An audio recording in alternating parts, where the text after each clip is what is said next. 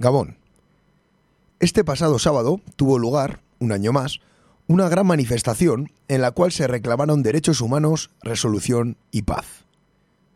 La asistencia volvió a ser masiva y esta tradicional movilización reflejó, reflejó de nuevo la postura mayoritaria en la sociedad vasca con respecto al cumplimiento de la ley en lo que refiere al alejamiento de los y las presas políticas vascas. Y es que resulta como poco llamativo que año tras año decenas de miles de personas se den cita a principios de año para reclamar que los derechos que por ley les corresponden a los presos y presas y a sus familias sean respetados. Este año, además, la campaña llevada a cabo por la plataforma SARE ha hecho especial hincapié en la visibilización de las y los niños que padecen el castigo de la dispersión fin de semana tras fin de semana, mostrando de este modo la cara más cruel de esta política de Estado que únicamente se aplica en base a criterios de venganza. También se sabía en la mañana del sábado que el Estado francés comenzará a acercar presas y presos políticos vascos a prisiones más cercanas a Euskal Herria estas próximas semanas. Una noticia que ha suscitado una cierta euforia y de la cual habrá que analizar los aspectos más técnicos para poder valorarla correctamente. Otro de los aspectos que volvió a ponerse de relieve el pasado sábado, en la medida en que esa movilización también supone un punto de inflexión para realizar una valoración de los avances logrados desde la anterior cita, fue el desvanecimiento de la movilización popular en pueblos y ciudades en favor de las y los presos políticos durante el resto del año. Como veis, factores positivos y negativos que conforman una realidad compleja en la cual no se ha logrado aún una solución para las y los presos políticos vascos. Hemen hasten da gaur egur. Guten Tag, meine Damen und Herren. Entering the United States. C'est la lutte contre le terrorisme. Katea ez da eten. Agirre, garaikoetxea, leizaola. Gaur egur. Gaur egur. Gaur egur. Jolasten eta enredando.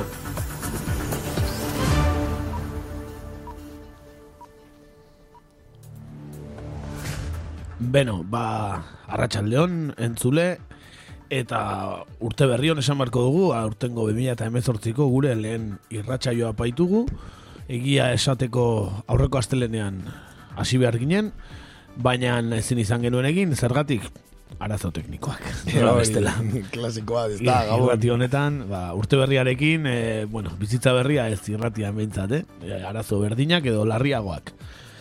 Ba, akizuen bezala, oraindik e, FMS ez dugu emititzen antena aizea botazigunetik, bertan horretan lanean ari gara eta alik eta azkarren jarriko dugu, baina bitartean ba, internetez entzuten ariko zara, edo errepikapena, edo podcasta, edo bergara edo debagoien amaldin bazo de, orduan FM entzuten ariko zara eta ongi etorri era guztietara ere entzule.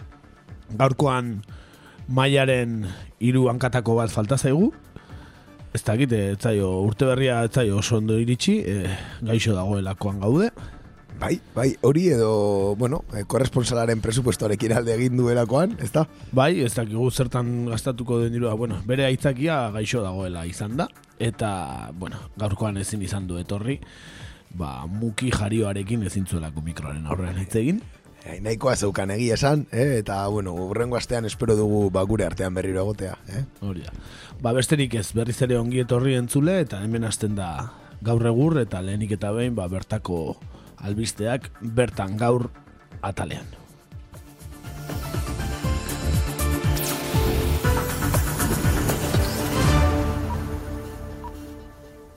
Bertan gaur.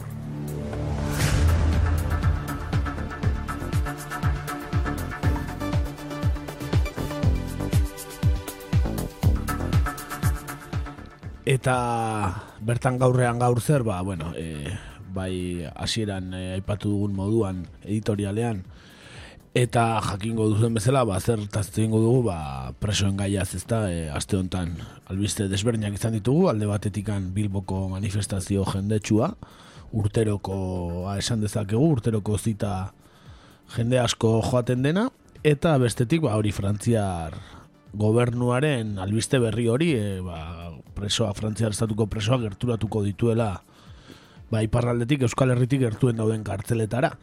Orduan, ba, ba, gai garrantzitsu nahi iruditu zaigu, ba, askotan esaten dugu Euskal Herrian azken aldian ez dela gauza handiri mogitzen politika gintzan, bueno, ba, ez zer mogitu da, eta horri buruz itzen dugu pixka bat.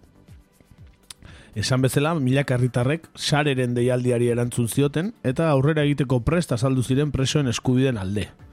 Frantziako espetxe politika aldatzeko iragarpenak markatu zuen mobilizazio oso. Herritarrek ez zuten e, utxegin eta urtero bezala, mila kalagunek, laro gehieta mila inguruk, e, antolatzaiek emandako datuen arabera, erantzun zioten larun bat e, honetan basareren e, deialdiari.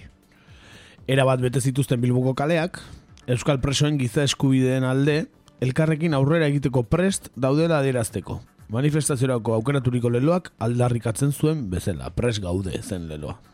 Hala da, Baina urtengo dialdiak izan zuen berezitasunik, eh, egun berean, ba, esan bezala iragarri zelako Frantziako gobernuak baduela asmoa Euskal Presoak Euskal Herritik gertuko espetxetara mugitzeko.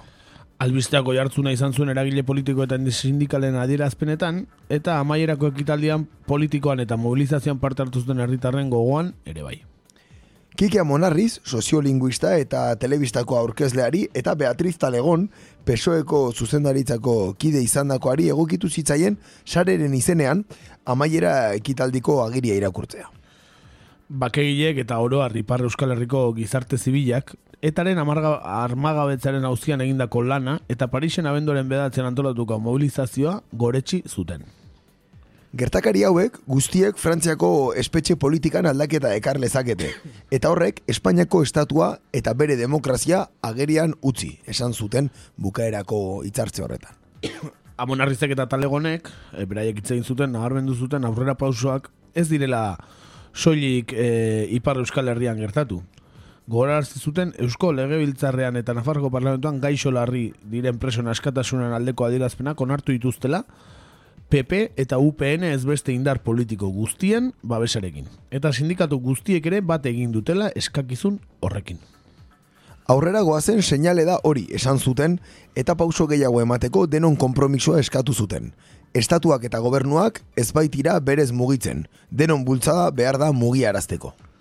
Izlariek esandakoaren arabera, oinarrizko eskubideak dira hauzian daudenak. Gaixo handi diren presoak eta adinekoak kaleratzea presoak etxetik gertuko espetxetara eramatea, eta gradu aldaketak ematea gizartearen ahalbidetzeko. Espainiako gobernuak bere legediaz arro hitz egiten du, baina sistematikoki urratzen du legedi hori esan zuten.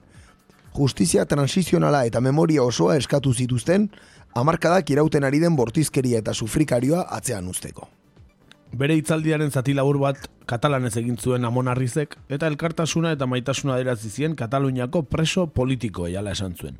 Haietako batzuen senitartekoak atzo Bilboko manifestazioan atzo ez larun batean parte hartu zuten. Manifestazioa e, e, arratsaldeko seirak laurden gutxietan abiatu zen Bilboko kasilla plazatik, euripean, e, oso euripean, esan beharra dago, e, atertu gabe iraun zuen ibilbide, ibilbide osoan mobilizazioaren buruan, mirentxin gidarien furgonetak joan ziren, asteburu guztietan presoen senitartekoak Espainiako eta Frantziako kartzelatara eramaten dituzten, dozena bat furgoneta. Horien ostean, egun bat ume eta gazte zeuden, aur motxiladunak, hau da presoen seme alabak, edo gertuko zenide bat espetxean dutenak. Haietako askok, izarri txurako puxika moreak zera matzaten eskuan. Izan ere, presoen seme alaben egoerak leku handi hartu du sareren manifestazio honetan. Amaiera ekitaldian haietako bik hitza hartu zuten. Kartzelak gure aurtzaroaren zati bat lapurtu digu, esan zuten. Denbora ezin da berreskuratu, baina oraindik garaiz gabiltza guk pairatu duguna belaunaldi berriek pairatu beharrik izan ez dezaten. Aur motxila duen multzoaren atzean, zeniden blokea joan zen, etxeraten zapia lepoan eta presoak Euskal Herrira ekartzeko aldeko ikurra eskuan. Eta ondoren, pankarta nagusia. Prest gaude, giza eskubideak, konponbidea, bakea, leloarekin. Pankartari eusten ziotenak, sareren deialdiak lorturiko babes zabalaren adierazgarri izan ziren. Sareko eledun begonia atxa eta Joseba Azkarra garekin batera, antzeuden Iñaki Lasagabaster, legelaria, Anaiz Funosas, bakebideko kidea, Jerome Gleize, berdeak taldeko ordezkaria, Parisko herriko etxean, naikario eta egi preso ia, Kepa Deloio preso galdako ztar zenduaren seme Peru Deloio, Kirmen Uribe idazlea, Xavi Sánchez, Kataluniako ANC-ko buruzagi preso dagoen Jordi Sánchezen anaia, Elisabete Bizkarra Legorra, historialaria, Ramon Zaio Euskal Herriko Unibertsitateko irakaslea eta abar eta abar. Bai, haiekin batera, EH Bildu, ELA Lab, ESK, Udalbiltza eta bestelako eragile politiko eta sindikalak zeuden. Autonomia erkidegoko alduguko Lander Martínez idazkari nagusia eta nago alba ere egon ziren, baina maila pertsonalean. Beno, ba, zer gehitu ba, larun bateko Bilboko manifestazioari buruz, lehenik eta baina aipatu urterokoa bihurtzen ari dela, ia, e, ez, e, joan beharreko ekitaldi urteroko ekitaldi horietako bat, ez, ba, durangoko azoko bat bezala bestera batera, eh, politikoki, baina, ez, badirudi, ez, horra ezin dela faltatu, gero ez dakigu urtean zehar zenbatek egiten duten lan e, ba, presoen egoera konpontzeko. Bai, bai, egia da, ez, ba, bueno, manifestazio oso jendetsua eta, eta bueno, nahiko e, babes zabala, ez, e, lortu zuena, E, bueno, egia da ere, ez, manifestazioaren kontestua eta eta lantzen diren eskakizunak oso ba bez, e, zabala lortzeko modukoak direla, ez? Azkenean oso termino legalistatan, ez? Bai, bai. planteatzen dira e, aldarrikapenak eta eta horrek egiten du ba zabal zabalagoa izatea ere, ez? Bai, bai, e, beti ere e, alde egin nahi da ba, alderdikeria hortatik edo ez, ez da, ez da nahi lotu ezkerra bertaldearekin edo sorturekin edo bildurekin, horregati dago sare plataforma herritarra nun ez dezaguna aztu e, bere bere bozera maile nagusia Ibarretxerekin e, justizia sailburu izan zela Euskal Alkartasunakoa, bera, bere garaian bintza, Joseba Azkarraga. Eta e, bai, ikusi besterik ez dago, hitzartu zuenetako bat pesoeko buruzagi hoietako bat, Beatriz Talegon. E, benetan e, ikusten da antolatzaileek nahi dutela ba, gizartearen beste espektro batzuetara iritsi, beste sentsibilidade politiko batzuetakoak e, busti daitezela gai honetan, ez? Eta esan dezakegu lortu dutela egin batean, baina gero adibidez, nire ustez, beraien estrategian oinarrizkoa iruditzen zait edo nik ala ikusten dut kanpotik da EAJ parte hartzea mobilizazio honetan eta ez dute lortzen. Ez, ez dago, ez, ikusten denez, ez dago modurik, ez, EAJ e, batzeko mobilizazio horretara, Oin dela, ez, ba, urte batzuk gehitu zen debekuaren ondorio sortu zen egoera katarsis horretan, ez? Baina beste manifestazio bat izan zen, eh? Debekatu zuten manifestazioa eta beste bat deitu zuten EAJak berak eta EH Bilduk eta ba. de, debekuaren kontrako manifestazio bat izan zen, eh, aldarrik, presoen aldarrikapena... Eh, Aldarrikapena era zerama manifestazioa izan beharrean, ez? Eta egia da, bai horrez da lortzen, ez? EAJ e, bertara arrastratzea, Gero egia da ere, e, esan dakoa, ez, adierazpen hoietan edo eskatzen diren parametroak hori ba oso oso legalak direla eta eta horrek ere tope bat duela. Hau da, e, demagun egunen batean e, sakabanak eta bukatzen dela, e, e, aldarrikatu daiteke baita ere, ez legez e, preso gaixoak e, ateratzea adibidez, bai, edo beste hainbat eskakizun, baina tope bat dago, ez, legeak ez du permititzen e, presoen aferari soluzio integral bat ematea, ez, azkenean. Bai, edo martxa hortan bertan, edo beti entzun izan ditugunak, ba, etxean nahi ditugu hori, ba, bueno, etxean zaila dago, eurrutik ikusten da, eta mobilizazio honek ez du hori eskatzen gainera. Ez du hori eskatzen. Aurrerako zeo zer eskatzen du, ez? Espainiar legea bera betetzea. Eta Espainiar legea bera betetzea, sakabenak eta amaitzea, gaixo larriak e, ba, kartzelatik ateratzea eta hiru ordena bete dituztenak kartzelatik ateratzea da. Hombre, gorain gauden egoeran ez da gutxi, baina ez da jende asko ke ba nahi duena edo jende asko eskatzen duena benetan ez da hori bakarrik, ez? Gehiago da. Dudari gabe ez, eta manifestazioaren e, leloari berriro e, erreparatuz, ez? Oso, oso zaila da azkenean, e, ba bueno, konponbide, ez? Integral hori bilatzea, e, presoen aferari politikoki heldu gabe, ez, nire iritziz. E, bai egia da, ez, ba, bueno, badagoela lan humanitario bat, esate baterako, ez, sare kantolatzen dituen mobilizazio guzti hauetan, baina nik hor, e, bueno, e, gizeskubideak, ez, e, bakea eta, bueno, ez, soluzioa edo irten bidea aurkitza, ez, gatazkari, nik uste irten bidearen puntu hori, e, oso zaila dela jorratzea bakarrik eh, termino, ba, bueno, humanitario hauetan, ez? Bai, edo lege, lege terminoetan. E, ala ere, ez dezagun dena pesimismotik ikusi eta esan behar dago, ba, jende asko mobilizatu zela eta Euskal Herrian ba, jende asko dagoela gai honekin sentsibilizatua eta ba, dagoela jendea ba, lanerako prest eta eta ba, eskubide hauen alde borrokatzeko prest, eh? dena ez da horrela. Bakarrikan, bueno, argi utzi pixka bat ez, nundikan doan martxa honen helburua edo zergatikan egiten duten nere ustez, ez? Eta da, gizartearen gehien gogoan nahi dute horre, ordezkatua egotea, Espainiaren balizko movimentu batzuetarako. Eta badira urteak estrategia horretan dabiltzala, eta, bueno, momentuz Espainiako gobernutik mobilismoa besterik ez dago. Eta... Bueno, eh, bai, irakurketa egin daiteke oso positiboa, laro mila pertsona joan ziren, benetan eh, txapelak entzekoa da. Eta, bueno, ez, antolakuntzan parte hartzen duen jende guzti Bai, hori, bai, bai. voluntarioen lana, antolak eta lan guzti hori, ez, horrek suposatzen duen eh, lan militante handi hori, ez? Baina egia da, gero, ez, orokortasun batean ikusita, eta ez, eh, nola da, ondorio eta junda, ez, pixkat, ez? Ba, ba, hoxe, ez, eh, tamalez ez dagoela ondoriorik. Bai, mo- momentuz ez dala ezer gertatzen. Orain eh, jorratuko dugu urrengo albistea eta badirudi, ba, ba, Frantziar estatuan bai mugitzen dela zego zer, eta hor ere hitz egingo dugu orain horri buruz. Baina en martxaren azken eh, adar bat atera nahi nuke hitz egiteko, ea zer iruditu zaizun zuri eh, motxiladun umeak eta guztioni eman zaion tratamendua. Nei pixka kontra esan netan sartu naiz nere buruarekin, ez dakite, umeak hainbeste, ez dakite, hainbeste azalaraztea beraiena, edo hain mediatiko bihurtzea beraiek, ez dakit, ze punturaino dan ona, beraientzat bakarrik, ez dut esaten. Bai, bai, egia da, hor, eh, bueno, bada fenomeno bat eh, beti existitu izan dana, ez? Hau da, Bai, motxila umeak noski. dispertsoaren adin berdina Eta daukate, ez? hor dago eta esan beharra dago, eh? Eta gabe. umea, umeak dira eta beraien gurasoak edo dena delakoak bisitatzeko milaka kilometro egin behar dituzte, baina Errealidade bada, horrela mediatikoki hainbeste plazaratzea beraien burua ez dakit ze punturaino gustatzen zaiten niri.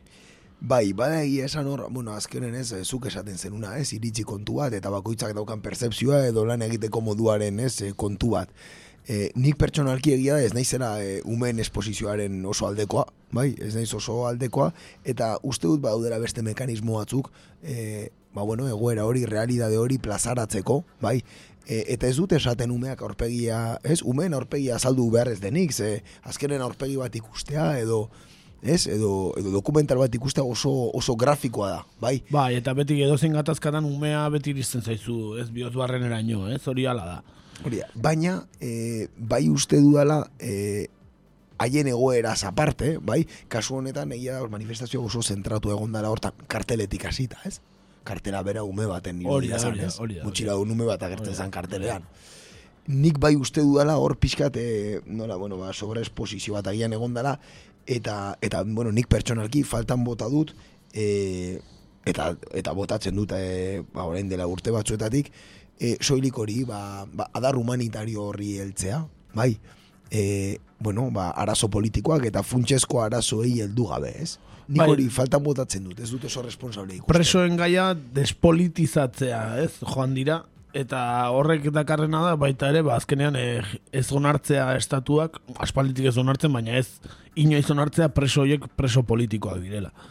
Eta hori dauka, ez, U- e, despolitizatzea gatazka hori edo, ez, e, gatazkaren ondorio hori presoak egotearena, despolitizatzen badezu, azkenean e, arrazoia ematen ari zara baita ere Espainiar eta Frantziar estatuari, ez? Politikoak ez direla, ez? Ez direla preso politikoak. Orduan, bai, hor hor soka, soka baten oreka oreka zaila dago hor, eh? egia esan. Bide bat hartu da eta eta nire ustez normala da denak ez da egotea. Bai, nik ere ala, ala ikusten dut, eta eta hori zaila ikusten dut, epe ertainera gero horri e, lehen komentatzen nuena, ez, buelta bat ematea, bai. Hau da, legeak eskaintzen dituen, bueno, resorte urri hoiek, bai, e, ba bueno, e, ibili ondoren, e, zer, Bai? Hor badago momentu bat nun ja e, aldarrikapen legalistak ez dakan rekorridorik, bai? Horren aurrera, e, hortik aurrera, zer? politizatuko da berriro despolitizatu dan e, gai bat, e, nik pertsonalki ezinezko ikusten dut, bai, gauza, erresa desegitea, baina oso zaila da berregitea, ez? Bai, bai. Bueno, ala ere, hau ez da hemen bukatzen, hau berriz diot, urtero egiten den martxa bada, eta behintzat gauza bat bai egiten du. Eta da presoen gaia ba, komunikabideetan azaldu eta behintzat e, alderdi politiko guztiek egin behar izaten dute adirazpenen bat, alde edo kontra edo, edo ez alde eta ez kontra. Eta behintzat hori badauka, ez mediatikoki ba, jartzen duela, e, ez be, ba, begi puntua gatazkaren kontu honetan, ez presoen kontuan. Eta behintzat hori badauka eta aste honetan ere asko hitz egin da horri buruz, baina ez bakarrikan martxaren gatik. Beste arrazo, arrazoi bategatik ere bai. Hori da. Eta zein da arrazoi hori, ba, esan duguna, Frantzia aste honetan hasiko dela Euskal Presoak gerturatzen. Justizia Ministerioak zaldutakoa baiestatu zuen txetx etxeberrik, Parisek kasu bakoitza aztertuko omendu Mont de Marsans eta Lean Emezango e, kartzeletara hurbiltzeko. Urritik presoen hauziaz esparru bat zabalik dagoelako Frantzia estatuarekin. Esan bezala Euskal presoen hauzia askatzen hasiko da Frantziako e, estatuan, haien gerturatzeari ekingo baitio Parisko gobernuak. Erran dezakeguna da, ondoko asteotan lehen hurbiltzeak eginen dituztera, bai estatu zuen e, Jean Noel Etxeberri txetx bakegileak. Justizia Ministerioak iragarri die bozento taldeko egunkariei, heldu diren asteetan Euskal Preso batzuk hurbiltzea aurrikusten dutela, kasuan kasuan. Iturria Ministerioko bozera maile Josef Baderra izan da, eta albiste hori berretsi du txetxe berrik berak, eta irurogei Euskal Preso daude, Frantziako estatuan, eta epaia dutenak gerturatuko dituzte oraingoz. Sei preso badira, epaiketa egin gabe dutenak. Parisen jarrera, ireki horren berri emana, zuen jadanik ipar Euskal Herriko ordezkaritzak, Justizia Ministerioarekin joan den abenduaren hogeita zazpian izandako bileraren ostean, ordezkaritzak zioen gobernuak ez duela printzipiozko kontrakotasunik erakusten, presoak Mondo Marzon eta La Nemezonera e, urbilduak izan daitezen. Ministerioko bozera maiek baiestatu egin du, bi presondegi horietan bi presindegi horien autua. Altxasu hartuko genuen referentzi bezala Euskal Herriko erdigunean dagoelako, ba Monde Marsans berreun da hogeita malau kilometrora dago altxasutik, eta irureun da hogeita marrera lan emezanetik. Urretxu zumarragatik gutxi gora bera antzeko. Hori da. E, DPS estatusa kentzearen aldeko politikarekin jarraitu nahi duela ere bazioen Pariseko abenduko bileran, ordezkaritzako harrean zioenez, eta helduden asteetan hasiko zela ere e, aipatu zien. Esaterako DPS hori e, detenu partikuliarmon surveienen siglak dira, eta horrek esan nahi du, dirala segimendu espeziala duten e, presoak. Bai, neurri oso zorrotzak e, ba, bueno, ezartzen zeizkia, adibidez gauean bi orduro e, pertsona horiek esnatzen dira, e, eskua altxa dezaten adibidez. Bai, horrelako ba, bueno, neurri ekstremoak. E, izan ere esan zuen txatxe etxe berrik, gauza bat e, da erabaki politikoa eta beste bat horren gauzatzeko hartzen den denbora. Espetxe onurez baliatzeko asti hori presondegiko administrazioaren erritmoaren menpe da. Bete behar batzuk daude hor, bakegileak esan zuenez. Lehenik, presoak banaka eskaerak egin behar dituzte. Eta hasi direla, ez? Hori da, bai, egiten ari dira, e, ondutik txosten horiek osatuak direla ebatzi behar du presondegiko administrazioak eta ministerioera transmititu eta ark onartu. Hortik, gero administrazioa konkretuki du gauzatuko presoaren hurbiltzea. Horregatik ez dugu zenbatu nahi izan eperik. Ez da egunik edo asteko pururik ere, zioen. Presoko pururik ere ez dute zehaztu. Etxe berdik azaldu du Euskal Ordezkaritzak keinu horiek bide irekitzen moduan ulertuko ulertu nahiko lituzkeela, lehen hurbiltze batzuk izaten dira eta beste batzuk ondotik. Solasek segitu arau. Kasu hau, kasuan kasuko esplikazioak argumentatu arau eta horrela. Mailaz mailako prozedura bat da, baina espero dugu abiadura lastertuko dela eta urrun joanen dela. Jokoan dago presoek eta arien senideek jasaten duten salupu espen egoeraren bukaera gaineratu zuen txetxek. Justizia Ministerioko bozera maiak adierazi du epaiketaren zain dauden sei euskal persoak Paris inguruan daudela. Ordea, Etxeberrik esan du guztien hurbiltzearen alde ari direla borrokan, gaixorik daudenen baldintzapeko askatasuna lor lezaketenen epaitu gabeen eta epaituen alde. Alaber, kondena luzeak harta berezi batekin segitzen dituztela zehaztu du. Badira batzuk azkeneko hogeita zortzi urteetan preso direnak, eta espalditik lor zezaketen baldintzapeko askatasuna. Deus aldatzen ez baldin bada, euskal pres, azken euskal presoa, 2000 eta berrogeita amalau garren urtean aterako da kartzelatik. Hori batera ezina da, bake iraunkor eta bizikidetza berri batekin gaineratu zuen. Bizkitartean lehen e, urbiltze konkretuen zain daude bakegileak. Azaroan, Frantziak zazpi euskal presori DPS estatusak kendu izana lehen keinutzat hartu zuten, eta hurbiltzeak bigarren keinu konkretua izan daitezela nahi dute, etxe berrik adierazitakoaren arabera. Ekintzak, erranei juntatzen badira, orduan baiestatzen halko dugu, eraikitzailea den solas bat badagoela. Gauzak zentzu honean, aitzinaraztea albidetzen duena. Ondoko lan bilkura hilonen bukaran izan daitekela iragarri bazen ere, ez du baiestatu nahi izan etxe berrik. Lanak segitzen du bilkuretan eta bilkuren artean ere bai kontaktua etengabea da. Ondoko bilkuren berri emanen dugu mementoa ginen delarik.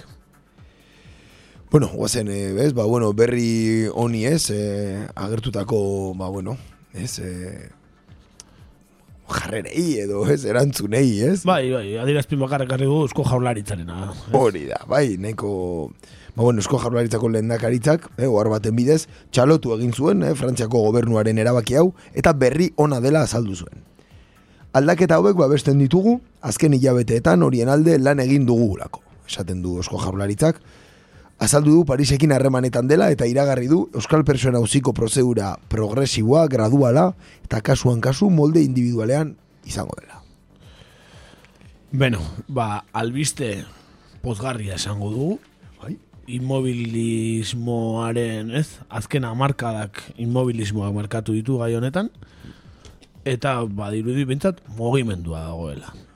Hori da, bai, bai, hemen eh, mugimendu bat emango dela, ez, ba, ba estatu frantziarrean, bai, momentu honetan, ez ba naiz konfunditzen, niro eta bost preso inguru uste du daudela frantziar estatuan, e, eta bueno, ba, hori, a priori berri, berri hon bat eta zariga, gero egia da, badagoela berri honen atzean, e, ba bueno, limatu beharreko aspektu asko, ez, Bai, ba, adibidez, presoen baldintzena, ez? Por Eh, ejemplo, adibidez, da. D- DPS-aren kontu hau, eta ez DPS-a bakarrik, baita, ba, esan dezakegu, ba, kartzelek beraiek dituzten baldintza orokorrak, ezta? hori da, bai, hemen, Bakigu Monde Marsans ek ez daukala famarik onena frantziar kartzelen artean, ezta? Hori da, adibidez, bai, Monde Marsan espetxe, Monde Marsaneko espetxe oso espetxe berria da, bai, bain dela sei bat urte edo inauguratutakoa. Eta hemen bai sartzen dala beste elementu bat, ez, ez da baidan. Azkenean gerturatzea gauza, poli, esa, gauza positiboa, ez, bihurtzen da. E, batez ere senidentzat, ze presoarentzat azken finean, e, bueno, obviamente senidearen, ez, ba, preokupazioaz aparte, e, bizitza berdina da Euskal Herritik egun kilometrotara edo Euskal Herritik mila berreun kilometrotara, ez?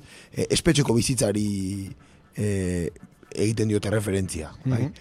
Bai, baina bere senide eta lagunak ezain eh, besteko bidaia egitea gere presoentzat eh, lagungarri izango psikologikoki bada. Hori da, dudari gabe, bai?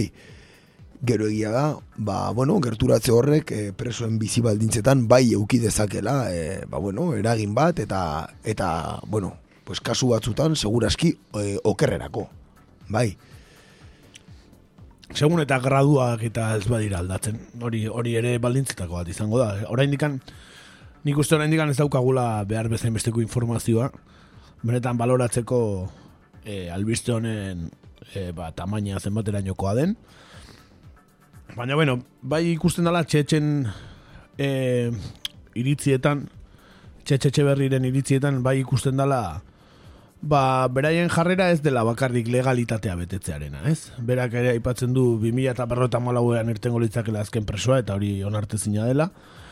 Orduan, e, ez dakit norainoko negoziazioak izango dituzten Frantzia arrestatuarekin, baina argi dagoena da, beraien helburua ez dela bakarrikan legalidadea bete eta presoak eh, gertuago egotea, ez? E, ba, konponbide integralago bat nahi daila, ez? E, presoen hauziarentzako.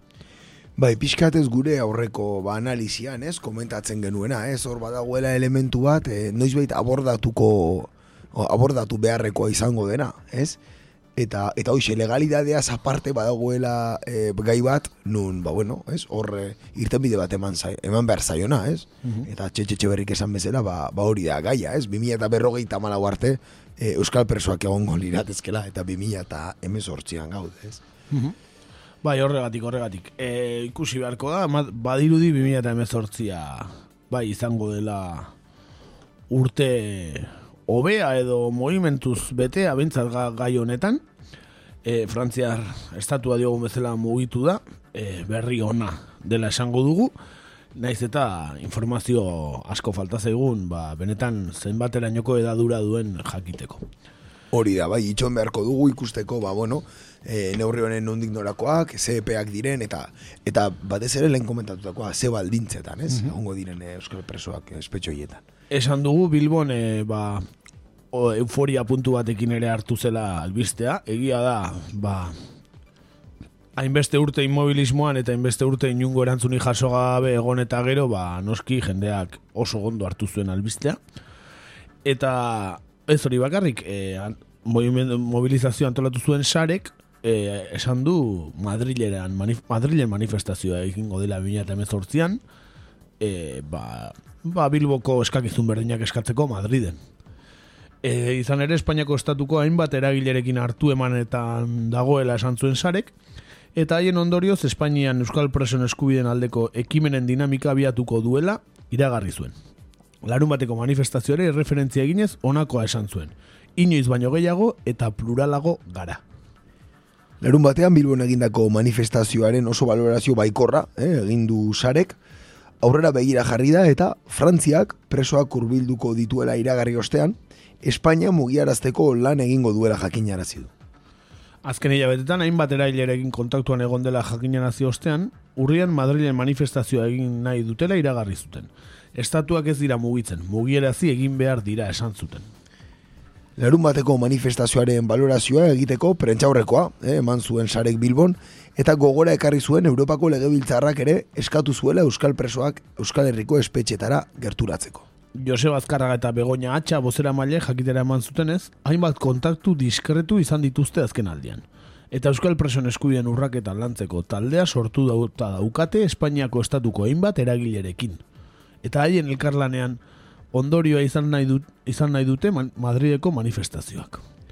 Urte hau oso garrantzitsua izango da, esan zuen Joseba Azkarragak, gizarte zibilak peperen esku dagoen Espainiako gobernua mugiaraztea da beraien helburua. Beno, ba, Parixera joan ginen, orain Madridera joan barko gara, ikusi beharko da Madrileko ultra eskuinak zen moduzko ongi etorri beroa egiten digun. Hoxe zarantza, ez da, ez hor... Urrian gainea, ja, faltako litzake urriaren amabian izatea, ja. Espero et. Punt- Puntilla jarriko dugu. Espero et, eh, hori da, eh, kontutan hartzea eta deferentzia hori ukitzea, ez da? Bai. Bueno, e, bentsat dio te, ba, kontaktu diskretuak egin dituztela Espainiako eragile desberdinekin. Bueno, etorkizunan jaingo dugu zein diran eragile horiek, eta noraino iristen diren eragile horiekin dituzten kontaktuak. Pentsatu nahi dut, ba, egongo dela sindikatuak, egongo dela Podemos, ez dakit PSOE, ikusi egin behar. Hori da, beste, eta bueno, pentsatzen dut beste hainbat ez, ba, eragile sozialekin ere ez, eh, posiblemente, ba, bueno, kontaktuak eukiko dituztela, eta, eta bueno, ez, badago ere, ba, bueno, beti egonda, ez? eh, Bai, baina eragile sozial e, burura etorri dak, dakizkiguken e, oiek, oiekin beti egonda. Ez? Hori da, hor ez dago Hau, hau esan ten badute gainat e, hartu eman diskretuak direla, Bai. ni pentsatu nahi peso eraino bentzat iristen direla autumen oiek. A ber, ala, bueno, orain dela hilabete batzuk bildu ziren, ez? Margarita Roblesekin, Espainiako kongresuan, ez? Areko bozera maiak, beraz, bueno, ba... Bai, beraz horregatik ez? Bueno, ba ikusi egin behar, ea Espainia mugitzen den. Ez dut ustenik, eh, aurten mugituko denik Espainia. Frantzia aurten mugitzen bada, Espainia ez dut uste aurten mugituko denik. Bai, eh, Euskal Herria mugitzarekin igual nahikoa daukagula Bai, esango duko bai, bai, oraingoz igual. bai, Euskal Herrian ez dakigu zer mugituko dan ere. Baina, ez dakite, nik uste Espainian laizter datozela hauteskunde aurreratuak. Bai, bai, bai, bai. Eta hauteskunde garaian ez dut uste hemen movimendu handirik izango denik gai honetan. Ai, garaitxarra dia, eh, afera hauei heltzeko. Baina, eh, egin beharra dago, hau ere egin beharko da. Eta, ba, Madridera ere joan barko gara, ja, zer esaten diguten. A ber, nola bueltatzen gehan. Ba, hori xe, e, aste buru ontako kontuetaz, nik uste nahiko hitz egin dugula, eta azkeneko gaitxo bat e, apunte bezala, esan e, bos batzokitan pintaketak egin dizkietela salatu duela EAJak, presion aldeko aldarriak eta irainak margotu dizkietela zehaztu dute, EAJaren hitzetan ezkerra bertzaleak erasoan aurrean duen isiltasuna azaltzen du zergatik ez diren Bilbon izan EAJkoak. Bueno, eh, esan behar da, ba, adibidez Bilboko alkateak honi bakarrik egin diola e, kasu, ez duela aipatu manifestazioko ezer, bakarrikan pinta, batzokiko pintaketa hauek. Eta benetan kuriosoena iruditu zaitena izan da e, EH Bildu edo sorturen erantzuna, esanez oso dudatan jartzen dutela zeinek egin dituzten pintaketa horiek, pintaketa gehiena gaztelaniaz daudelako. Arritu egin naiz. Oso irakurketa linguistikoa, eh? bai, bai, baina ez dakit, ez dakit, ez, ez dakit zer esan nahi zuten zehazki. Ea jotakoak beraien buruari, bueno, beraien batzuki pintaketak egin dizkietela, edo e, amnistia eta askatasuna mugimendu hortako kideak direla, edo polizia izan dela, ez, ez zait batera argi geratu erantzun horrekin e, zer esan nahi zuen EH Bilduk. Bai, irakurri duenez, uste dut ez, bai egon dela, ose, hor, eh, ba bueno, gertatutakoaren kondena bat ez, eh, sorturen aldetik, edo Aha. uste dut sorturen aldetik izan dela, eh, bueno, desmarkatu direla horren inguruan, eta, ba bueno, eh, ekintza hauek, modu batean deitzagatik, margoketa hauek, Bai, bai, bai. eh, ba bueno, beraien estrategiatik kanpo aurkitzen direla, edo, bai. Bai, bai, eta aburtok, eh, alkateak, esan du pintaketak eta eh, gauzak puskatu eta kaleak zikindu egin dituzte. Ez dakit, eh? Pareta pintatzea eta kalea zikintzea gauza desberdina dira iruditzen. Dudari gabe, batez ere, kontenido politikoa dagoenean tartek, eh? Bai, bai, edo bestela grafiti bat ere, bai, ez dauka zer ikusi kalea Hori zikindu edo pareta bat pintatzea. Dudarik gabe. Dudarik berdina danik. Bueno, ba- betiko, ez, eztabaida, eh, eztabaida tonto hauetan, ez, eh, erortzen da asunto. Bai, EAJak nola baita esan behar du, justifikatu behar du bere ausentzia, ez? Eraren batean edo bestean, Bilboko manifestazioan, nun gogoratu Podemoseko idazkari nagusi eta idazkari nagusi hoiak egon ziren, naiz eta era partikularrean izan. Baina pertsonalen hori oso hitz, eh, ez, oso ekspresio kuriosoa da, ez? Bai, Alderdi bateko, ez, koordinadore orokorrazea eta jutentzea manifestazio batera maila pertsonalean. Vale. Bai, bai. Ondo dago, ondo dago. bai, bueno, Madrilen ez hautsak arrotzeko izango da, ez? Segurazki. Baina EAJkoak ez da maila pertsonalean, ez behintzat eh, dakigunik gortuzar, ez, bueno, aldendakari jauna dudarik ez egin ez da horrelako tokietara joango, baina ez egibar, ez horrelako inor, dakigunik. Gabe, bueno.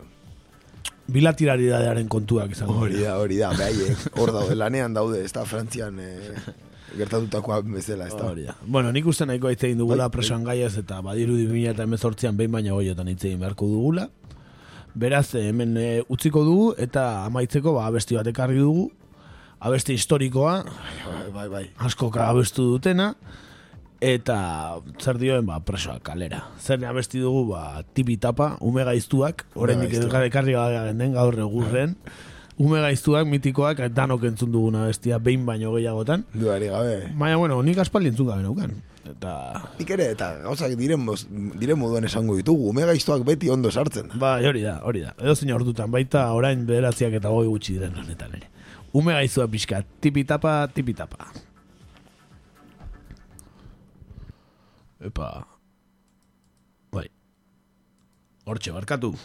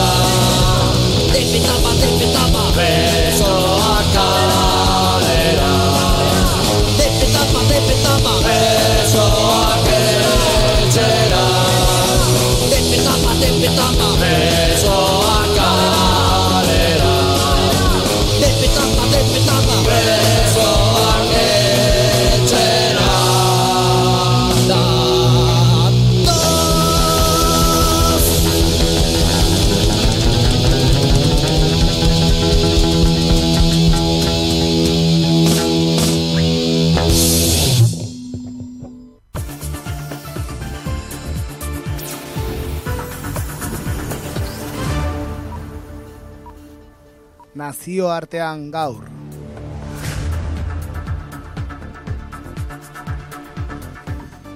Bueno, después de ese temazo de Omega Iztuak, pasamos a, a la sección internacional Eso. y un país que por lo menos hace tiempo que no hablamos de él, ¿no? No por lo menos exactamente de él, igual ha salido en- hablando igual de otros países, porque es un país importante en el mundo, ¿no? Está en el eje del mal. Eso es, en el eje del mal, sí señor, sí señor. Y lo hemos abordado siempre pues por medio de otros países, ¿no? De conflictos, ¿no? En, en otros países, pero nunca directamente. Sí. Eh, no sé, alguno igual, alguna ha acertado, sí. Estamos hablando de Irán. Sí, que ahora mismo, bueno, ahora no tanto, hace una semana se hablaba bastante de Irán. Esta semana creo que ya se está hablando menos, ¿no? Eso es, sí, el caso es que, bueno, eh, han tenido lugar, eh, pues bueno, varias, varias protestas, sí, durante, pues bueno, las fechas navideñas, ¿eh? y, y es verdad que esas protestas han tenido mucha presencia, ¿vale? En los medios occidentales, en general, y bueno, pues no queríamos, pues bueno, lo de siempre, ¿no? Intentar arrojar un poco de luz sobre qué es lo que está sucediendo en Irán y lo vamos a intentar. Esta es la, la pregunta de- del millón hoy en, en nuestra sección internacional. Antes de nada, conviene ponernos en situación y dar unas pocas pinceladas sobre Irán y su historia. Sí, es, sí, es importante. La, la República Islámica de Irán, eh, también conocida como Persia, eh, es, es un país de más de 80 millones de habitantes, situado en una posición geoestratégica que es muy privilegiada. Es la puerta de acceso entre Oriente Próximo y Asia Central, y sus costas abarcan el Golfo Pérsico y el Golfo de Omán, enclaves indispensables en la exportación del petróleo de la región. Más allá de su situación geográfica, eh, Irán, junto con su vecina Irak, fue la cuna de la civilización. Sí, eh, bueno, se tienen documentadas dinastías en territorio actual de Irán desde el año 2800 antes de Cristo. Hace 5.000 años. Efectivamente, es el sitio donde realmente se crea la civilización. Pero la gran peculiaridad de Irán no es otra que su composición religiosa, única en el mundo. Así es, ¿eh? Irán es el país con más musulmanes chiitas de todo el mundo, siendo la potencia representativa de esta corriente del Islam. Como ya hemos comentado en alguna ocasión en nuestro programa, el chiismo y el sunismo son las dos corrientes principales del Islam, representando los suníes el 85% y los chiíes el 15% restante de los 1.600 millones de musulmanes que hay en el mundo. Sí, en- bueno, pasando un poco a hacer un recorrido histórico muy rápido, ¿eh? en, en 1941 eh, llega al poder para suceder a su padre, que era simpatizante de la Alemania nazi, el Shah Mohammed Reza. El título de Shah es equivalente al de rey en Europa.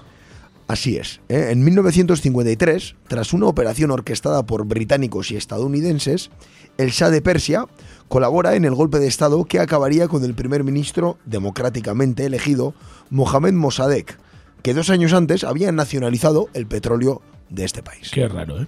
Vaya.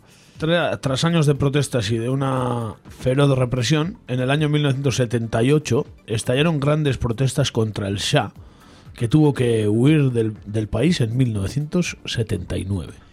Así es, Irán se convirtió entonces en República Islámica de Irán y el Ayatollah Khomeini se convirtió en el líder supremo del país. Khomeini fue sucedido por Ali Khamenei, que a día de hoy sigue siendo el líder supremo del, del país persa. Las elecciones presidenciales se desarrollan cada cuatro años y el cargo de presidente es, tras el del líder supremo, el de mayor rango de este país.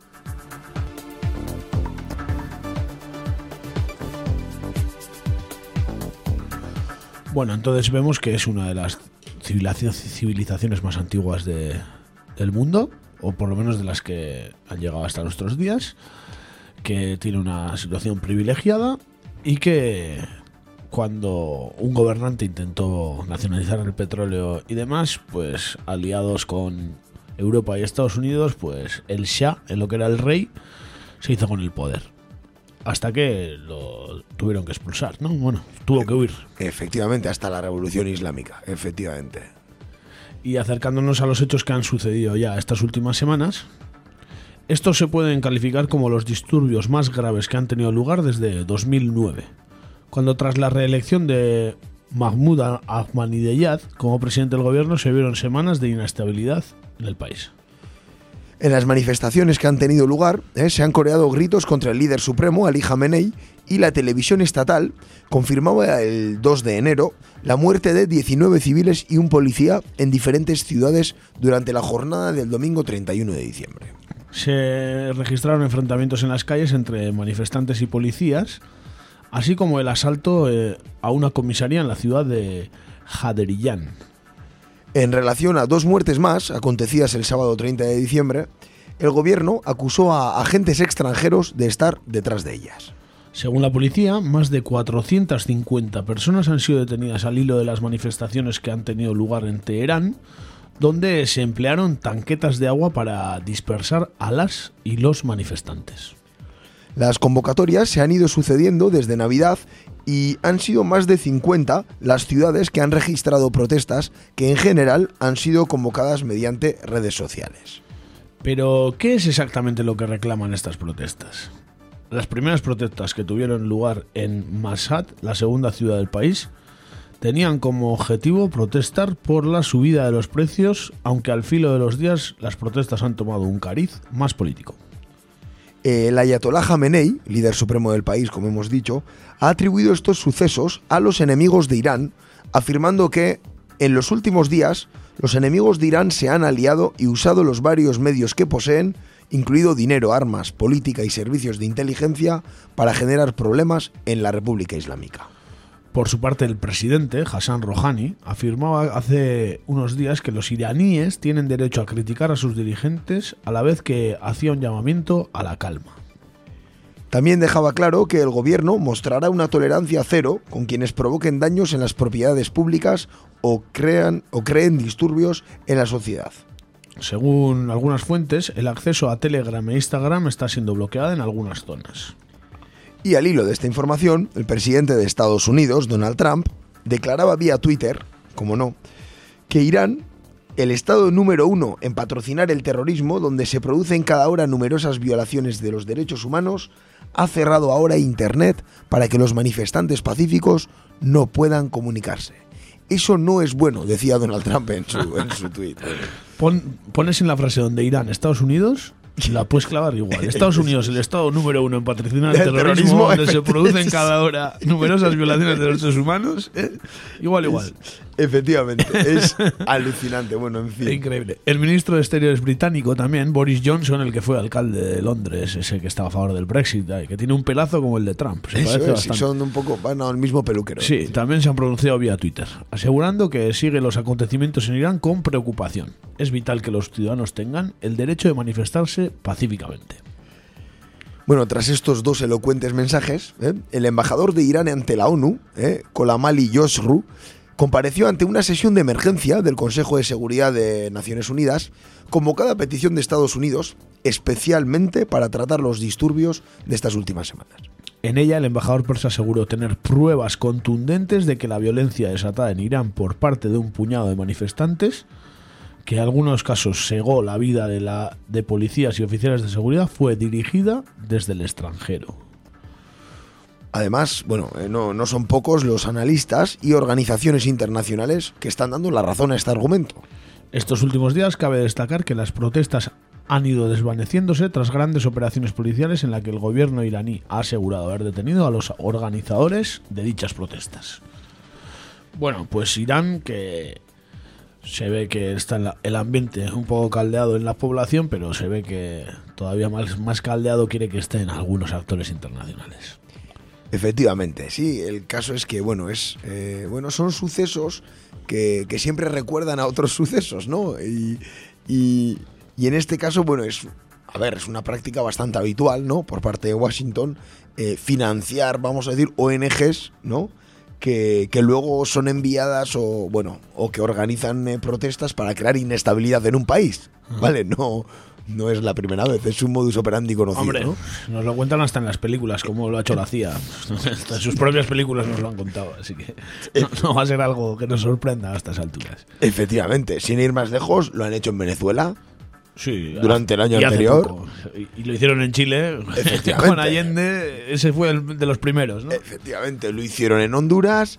eh, bueno, lo han hecho también incluso en Rusia, ¿no? O en China, ¿no? Hay muchas organizaciones que se dedican a intentar crear una in- inestabilidad social, vamos a decir, ¿no? y, y bueno, y están financiadas eh, claramente por Estados Unidos, ¿no? Entonces, por ese lado yo creo que está bastante claro, ¿no? Que, que hay un modus operandi que se repite, ¿no? En el caso de Irán. Eh, también hay que, ¿no? Hay que reconocer eh, sobre las propias protestas que están teniendo lugar en Irán, ¿no? Que en general han sido sobre todo por el aumento de los precios, ¿vale? Por la inflación, que debe ha bajado ser- el precio del petróleo, ¿no? Efectivamente, sí. Y la inflación debe de ser eh, bastante alta, que volvemos a repetir un poco el esquema de Venezuela. Pero también es verdad que en la sociedad iraní eh, está, está muy interiorizado, ¿sí? Que los problemas económicos que están existiendo en la República Islámica eh, en gran parte vienen derivadas de las sanciones económicas que ha impuesto Estados Unidos. Entonces, eh, bueno, es bastante. Es bastante extraño que de repente, en cuestión de dos semanas, eh, haya ocurrido esto en 50 ciudades, ¿no? En, en todo Irán y, y se haya apagado la llama, que es lo que parece que ha pasado esta última semana. ¿no? Hay una mano negra por detrás, ¿no?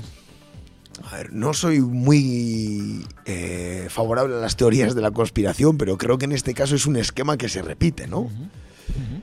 Sin ninguna duda. Y además, eh, no es la primera vez que esta temporada vamos a Oriente Próximo. Y ya hemos dicho antes que siempre nos ha salido el tema de Irán al hablar del Oriente Próximo porque, bueno, es uno de los países más poderosos en Oriente Próximo y no es aliado de Estados Unidos ni de Israel. Es todo lo contrario, ¿no? Es el enemigo número uno de Arabia Saudí, Israel en la zona y de Estados Unidos en la zona también. Es, es sin duda Irán.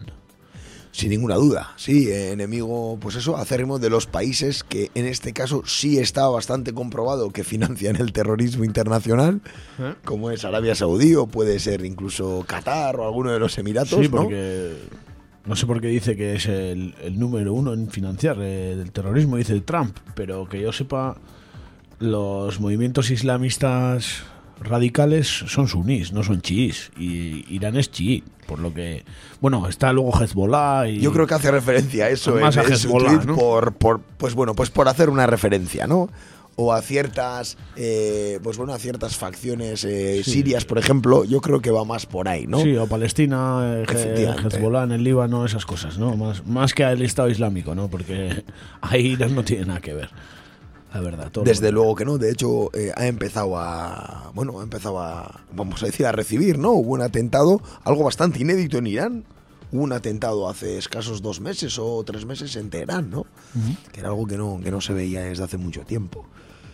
La verdad es que, bueno, recuerdo un poco también, eh, más allá, ¿no? De lo que ha pasado en Venezuela o lo que ha pasado en, en los países que hemos nombrado, también lo que pasó un poco en Ucrania, ¿no? Esas organizaciones, eh, bueno, no gubernamentales que pedían ciertas, ¿no? Reformas en pro de la democracia Y bueno, pues hemos visto lo que ha pasado en Ucrania, ¿no? Llegaron al poder y eran organizaciones de, extrema derecha, ¿no? Sí, sí, sin duda. O sea, por lo menos han abarcado todo ese movimiento que nació a favor de la democracia, pues la han abarcado totalmente la, la ultraderecha en Ucrania. En Irán no creo que, que llegue a tanto, no creo que lleguen a derrocar a un gobierno de- en estos momentos por lo menos. Es más crear un poco de inestabilidad y como han bajado el, precio del petróleo, ha subido el precio de los alimentos y demás, pues crear un poco de inestabilidad para ver, ¿no? Tantear un poco la situación de Irán. Yo creo que, que por, por el momento no llega a más. Yo también no creo que esto tenga mucho más recorrido ¿no? del que parece que ha, que ha tenido, pero sí que es verdad que Irán, eh, pues bueno, lleva muchos años, ¿no? Eh, Desde lo que has comentado, ¿no? Desde que eh, Bush hijo, ¿no? Habló de aquel eje del mal, ¿no? Ajá. De Corea del Norte, Irán y Cuba, si no me equivoco, Sí, y ¿no? Venezuela también, Y ¿no? Venezuela, efectivamente. Ahí estaba el eje. Aquel eje del mal, pues, pues bueno, ¿no? Vemos cómo están. eh, bueno, vemos cómo está Cuba, vemos cómo está Venezuela y vemos cómo está también, pues bueno, Corea del Norte e Irán, ¿no? Eh, eh, intentan influir y, y, bueno, pues Es con todos los que están ahora mismo en conflicto Estados Unidos, ¿no? Efectivamente. Ya el conflicto con Afganistán y todo eso se acabó. Irak también lo tienen ahí hecho está destrozado, pero tampoco tampoco les interesa demasiado meterse ahora, no, por lo menos mediáticamente con, con Irak. Así es, no hablemos ya de Libia o de Siria. No, ya, eso está olvidado, ya. Nos vamos ya. Lo de Siria ya está olvidado ya, ¿no? Ya han expulsado al Estado Islámico casi de todo el territorio sirio, y ya ya no se habla de Siria, aunque hay millones de desplazados en Europa, de eso no se habla. Eso, efectivamente. Y decenas de miles de combatientes del Estado Islámico que siguen siendo parte del Estado Islámico. Sí, por sí. mucho que el califato haya desaparecido. Eh, bueno, no, estamos eh, una vez más, ¿no? En el polvorín del mundo, ¿no? Que es Oriente Próximo, ¿no? y, y que es el único que, que desnivela la balanza en esa zona, ¿no? Porque es el único país que vamos a decir no aliado a Estados Unidos que es verdaderamente poderoso, que tiene tiene mucho dinero, tiene arma, armamentísticamente es fuerte, eh, ha, hecho una campaña nuclear, vamos a decir, no sabemos hasta qué punto han llegado, pero vamos a decir que es un es un país con peso político importante en el mundo y no está en el, en el eje de Estados Unidos, ¿no?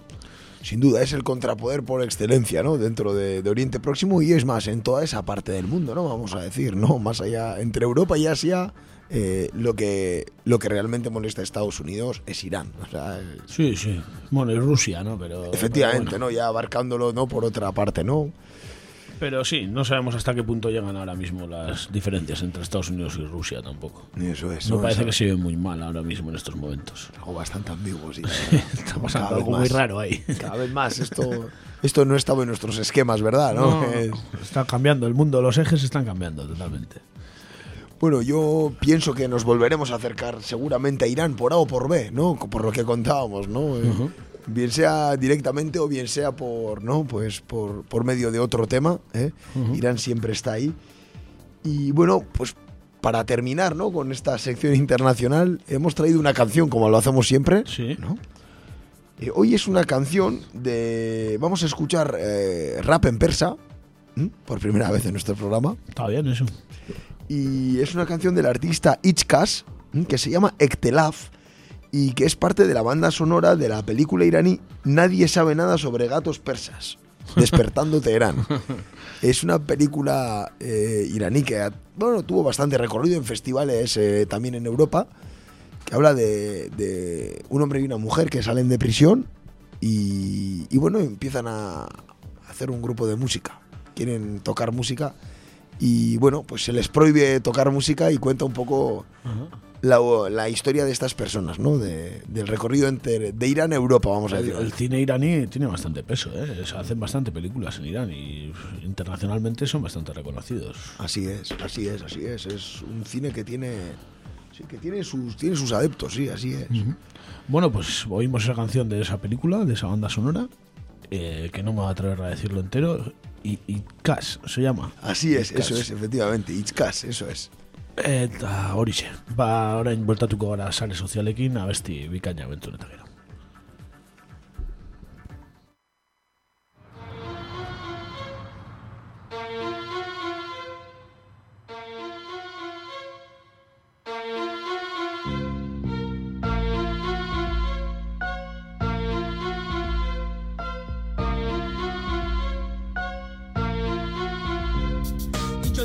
on it. شهری که هرچی که توش می‌بینی باعث تحریکه.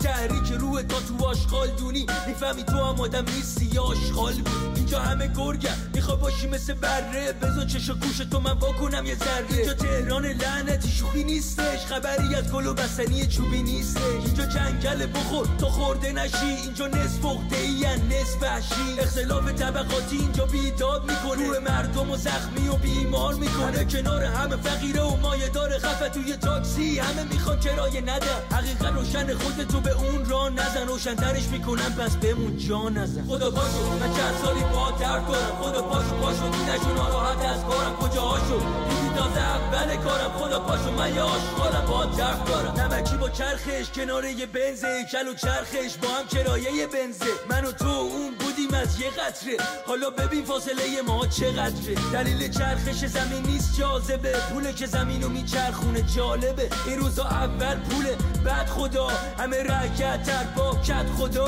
بچه می‌خواد با یتیمی بازی کنه. بابا نمی‌ذاره. یتیم لباس کثیفه چون که فقط یکی داره. آگاهیم. از این بلایا. حتی فرشته هم نمیاد. این نشیم فنا با همین بلایا. اما کمک نخواستیمش بریز کافی همین برا ما. آدم مریض حرفامو درک کرد تموم نکردم حرفامو بر کرد چند سالی با درد کنم خدا پاشو پاشو نشو ناراحت از کارم. کجا هاشو دیدی تازه اول کارم خدا پاشو من یه آشغالم با درد دارم تا حالا شده عاشق دختر بشی.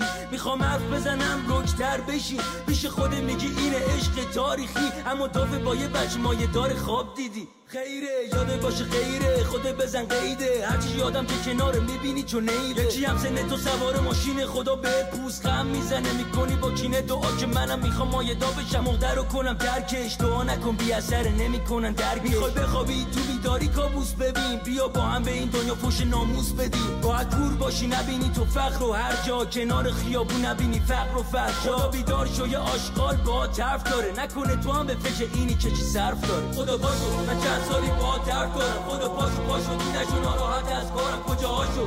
دیدی تازه اول کارم. خدا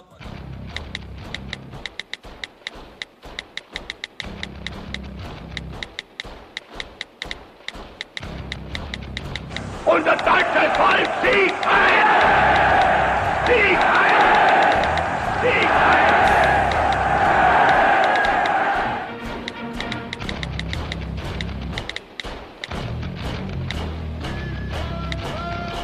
Badatoz SSA. Sare sozialetan egur.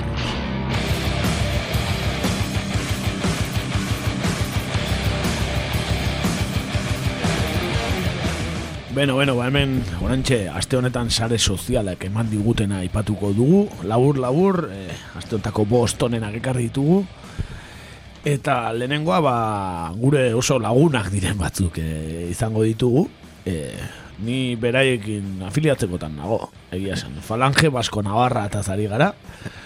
Ni, ba, egon naiz behira eta konbentzitzen ari naiz, eh? Igual sartuko naiz movimentuan. Bai, bai, bai, oso, eh, bueno, seriotasuna handiko jendea eta zari, Bai, eh? bai, bai. Bai, bai. Basko Navarra, eh, es una sociedad gastronómica. Eh? Bai, bai, bai, o el rack, rack, ¿no? El rally. Ra- eh, Rally Basko Navarra, bai. Uy, ez dakit, eh, me ha sonado a eso, me ha sonado a eso. Bai, bai. Bueno, eh, ba, hola idatzi dute, aste honetan. Todo el casco viejo de Bilbao está repleto de bares que apoyan explícitamente a los etarras en su red Sare. Eta jarri dute irudi bat nun agertzen zen, ba, Sareko ez dakit, Sareko zearen bazan eta Bilboko parte zarreko taberna desberdinak, ba, ez dakit, atxikipena eman diotena Sareri, edo ez dakit oso ondo nola zan, zenbakiekin agertzen zan, ez? Bai, ez, taberna ez, de xente batiz era alde zarreko, que está, ez? Bai, ba, ba, ez dakit, ba, taberna guztik, ba, jendea juntze dino, ez dakit oso ondo zergatik atera zuten. Bueno, ba, horren arira jarri zuten. Los falangistas vamos a organizar una ruta de turismo patriótico por el casco viejo, difundiendo una lista de bares e invitando a camaradas de toda España para un poteo popular. Bueno, tan lúdico como ambicioso, eh? Ja, ba, ba, egun da piko taberna zeren, eh? Bácate, da por poteo se van a pegar. Ba, igual, igual azaltzen diaunea, egun birrakea, bakit? bai, bai. Es la falange, eh, ya, eh, indarrantzita. Bueno, ba, bildur pixkat ematen du, eh, invitando a todos los camaradas de España a un poteo popular, eh, de falangistas, Bilboko kaletan, ba, bildur pixkat ematen du, eh, zatikan, Behin, hiru bakarrik etorri zian da, jendea jotzen ibili zian. Ui, eh? esan marrun, ez da, bai, bai. Hori. Zan, Gabilondo, eh, tu, Gabilondo. No? Gabilondo, Gabilondo, pum, pum. Gaina, bueno, herriko, eh, mu, eh, Herriko mutil bat urretxuz zan, bai. barragako mutil bat eh, izan zen, Bai. erasotua gainera, Bai, eh? bai, bai, bai, benetan lotxagarria, eta hor hiru bakarrik etorri zian, ba, pentsa poteo popular batea ditzen badute, zer gerta daiteken. Bai, bueno, egia esan susmoa daukat beraiek poteatzea etortzen barima dira, eh, beste jende asko ere poteatzea animatuko dela, baina beste modu batean, ez? Bai, uste eh, poteo nahiko beroa izango dela, ez? Ardo txarrakin izango da, seguruna, poteo. Ez dezatela atletiken partido egun bat aukeratu behintzat, poteora. Bai, uste ez dela oso ondatea, berde?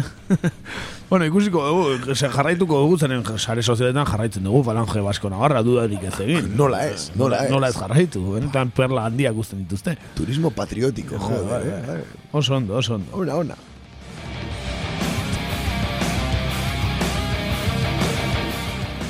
Bueno, ba, martxekin jarraituz, e, sareko martxa o manifestazio honekin jarraituz, Jonathan Martínez, askotan ekarri duguna eta ba, Twitterra baldin baduzue jarraitzeko konbitea egiten dizueguna, zeren oso ari historiko eta eta oso landuak egiten ditu eta benetan interesgarria da, pertsona jarraitzea, kazetari bada, Jonathan Martínez, Bueno, ba, Zoido president, ui, ministroari esan zion, oie, Zoido, ez delito silago retweet, zaren bakizu orain, esan esutzen, segun zein retweet egitea ere, ba, delito izan daitekela, ez? E, operazion araña eta guzti hauen artean, ja ez bakarrik idazten dezuna, baizik eta retuiteatzen dezuna ere delito izan daiteke. Espainiako ministroaren hor, e, ustez. Eta retuiteazuna zen Di- Diego CNC-ren e, tuit bat, esatezuna, ojalá esos menores y esas familias colgadas de un árbol, eta motxila du nume gatik anari zen, sareko martxaren gatik ez, eta, bueno, eh, a ver si es delito si lago retweet galdetzezun Jonathanek, ba, horregatik ez, eh, delitos de odio eta hori dia, ez, bueno, ba, argita garbi gorrotoa besterik ez dauka tuit horrek. Pues desde luego, desde luego. Eh, dena den nere zalantzak ditut, ezta? Eh, horren retweet bat egiteak eh, arazoak suposatuko lituzke. Ez, ez dut ez dut baina, bueno, bazpare zoidok ez du erantzun ere egin, eh? Ja, bai, ez, ez, ez dio erantzunez. Egia da. zeren, eh, sare sozialetan ezin da gorrotoa goraipatu eta gorrotoa eta zitzegin edo segun zeinekin sartu edo zeinen eriotzarekin sartu edo bar, baina eskuin, ultra eskuindarra baldin bazea ez importa. Nahi ez esan dezakezu. Falange basko nabarrak oso ondo esaten duen bezala adibidez. Duari gabe hor ez dago, ba, de, de hecho, ia inorrez da imputatuta egon, ez? E, bueno, ez? Eskuin muturreko komentarioak egitagatik Twitterren, beraz, bueno, hortxe progak, ez? Hori da, hori da.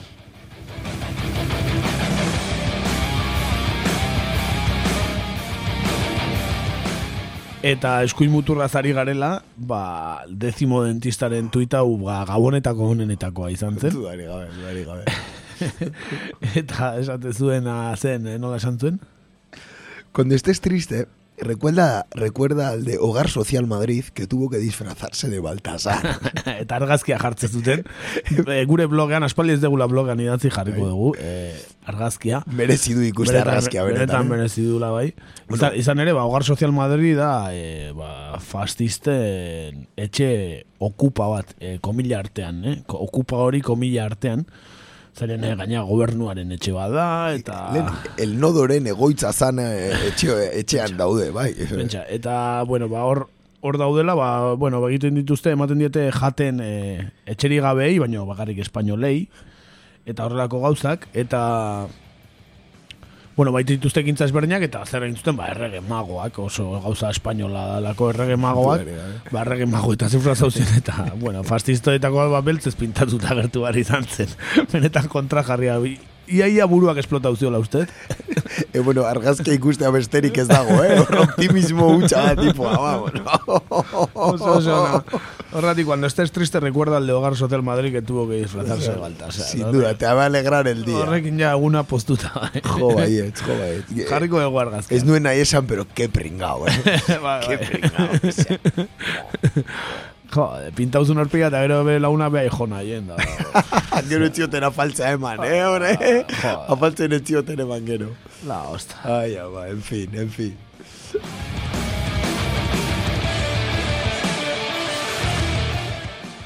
Bueno, eta ekarri dugu Osaba Oriol. Zan, Osaba Sabin, Arana Goiri. Eh, Sabino Arana, Twitterren Sabino Arana egoten da, eta beti egurra partitzen du.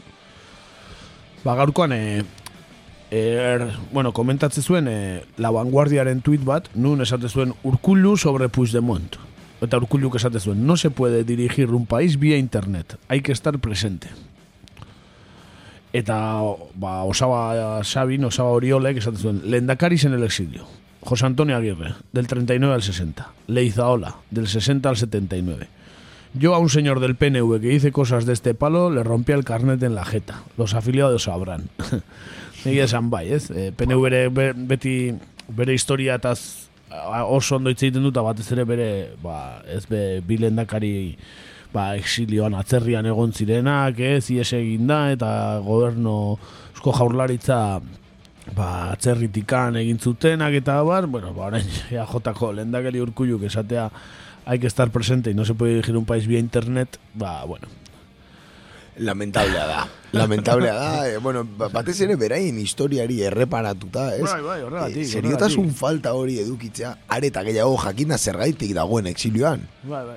Ez balitz exilioan egongo Espainiako kartzela batean egongo litzakelako. dudarik gabe, eta, eta bi hautagai nagusietakoak e, kartzelan egongo lirateke, bat kartzelan dago eta bestea erbesteratua, ez? Beraz, e, Bai, be, Ia, ia justifikazioa da, ez? Eh, es, hay que estar presente, hay que estar gobernando el país, pero desde Extremera. Es un sitio Bai, súper adecuado, ez? bestela bakarri falta zaio esatea, por eso tiene que gobernar Inés, eh? falta zaio esatea, ea, ea, hor, eh, inigo, hortxe ja ondoena. Joder, bueno, eh, komentari hori gabe, ez? Bera, pf, benetan, ez da oso, moralki oso bajua, eh? Oso bajua. Urkullu Kataluniako aferakin, eh, benetan, eh, bueno, doktoratzen nahi da, eh, politika gintzan. Eta bai, badirudi norbait eh, hortaz konturatu ala, ez da? Antonio Baños, eh? Bai, Antonio Baños, ku, kupeko legebiltzarkide izan zen. Eta bueno, esaten zuen, ez, eh, aste hontako tuit batean, se lo ha ganado a pulso Urkulu español del año ya. bueno, habrá que votar, eh, Eurovisionen egiten dan bezala, eh, habrá que echar el voto. Ba, nik uste baietz, eh, irabazi dula, eh, aurten, eh, esan daiteke baietz, irabazi dula el español del año, Iñigo Urkullu, nik uste hau da, azteko, azteko tuita hau da. Egia esan, bai, nik uste emango diotela premioa emango dio erregeak, eh, seguruna. Bai, segun, bai, bai, bai, Katalunian egia esan, ba, lagunak besterik ez dauzka azken aldian, eh. Buf. Bai, bai, uste aurten oporreta udan ez dut uste jungo danik, eh, kaleia, ez saloura. Hombre, ez, Rosasea, ez, ez, ez. Zait iruditzen, ez zait Pixka berago joan dadila, ez da? Bai, nik uste Andaluzia parte no hartuko dutela, o Murtzian, o... Bai, hori da, bai, berak ajundadilla. Bai, estremera, no. hoxe, hoxe bera, ez da, bai. Eh. Seguro, bai. Bueno, Ene bada, bueno, bueno. Ba, berriz ere, Inigo izar bada Twitterren, eh? Ez, be, ez bea, be, bera sortzen dituen komentario guztiak. Izar, izarri eskorra, baina izarra, ez da, eh? eh? Hori da, ba, ondo, teknologia berriakin ondo ematen da, bakizu, robot, robota da, eta Hori da, no, y no se puede dirigir por internet un no país. se puede dirigir. No se puede. Solo si eres un robot. Eso es. Urkulu izarrobo. Isa robot, isa robot, txuntxun brigade, agur bero bat bergarako guztiak. Duari gabe. Ba, hori hauek izan dira gure sare sozialai errepaso aste honetan hause izan da, eta ez daukagu beste gehiago esatekorik, e, hemen bukatzen dugu. Bai, hause dena aste honetarako, bueno, nahiko, ez, ba, bueno, edukia bazegoen gaurkoan, eta, bueno, ba, gure, ez, aurtengo lehen saioa nahiko mamitxua izan delakoan gaude, ez da? Hori da, hori da, hemendik berriz ere agur bat e, maiaren irugarren hankari, e, gaixo dagoela horrengo da otzikaraz betea eta saldaberoa jateko gogoz, eta Espero dugu gaurko, gaur banatu dugun, eh, partitu dugun egurrak, eh, ba, bueno, bera berotzea ere. Bai, berotuko zuen pixka bai. Espero dugu baiet. Urrengo astean hemen izango gaituzue, berriro ja 2018an martxa hartuta espero dugu astero astero utxik egin gabe egotea. E, arazo teknikoek usten badigute, behintzat. Espero, espero dugu hemen izatea, bai. Eta, ba, besterik ez, mila esker entzule, horregoteatik beste behin, beste urte bat gehiagoz, kakaintzona irratian, eta, ba, agurtu besterik ez, eta am- amaitzeko abesti bat. Abesti bat ekarri dugu, ba, kizue jaingo duzuen bezala, aste honetan Jose Anton hartze hilda, e, ez dok amairuko sortzaietako bat, eta anaiarekin batera txalaparta instrumento berreskuratu zuena, eta horretaz gain poeta eta abesti askoren hitzak egin dauka batez ere Mikel Laboari, Benito Lortxundiri eta abar eta nola, bueno, ba, omenaldi asko gintzaizkion aste honetan eta gehienetan Mikel Laboa edo jarri duten ez, eta guk askotan jarri dugunez Mikel Laboa, ba, beste talde bat ekarri dugu, bueno, beste bakarlari bat.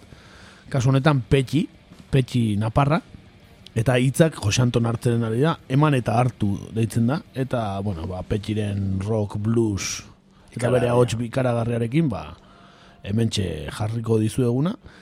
Eta horrekin agurtzen gara, e, ondo pasako zenutelakoan, mi esker, eta horrengo astera arte. Hori da, horrengo aste arte gaiztok izan. Hori da, agur.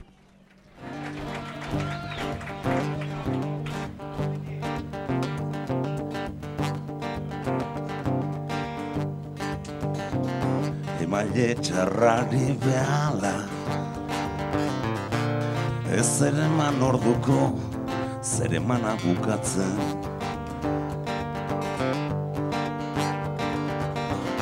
Emaile ez da inoiz Emateaz eta emateaz aspertzen. Beti ematen eta eskuak. Eskuak beti gainezka. Inoiz ez usten Ustu ala eun alako Baitzaizkio betetzen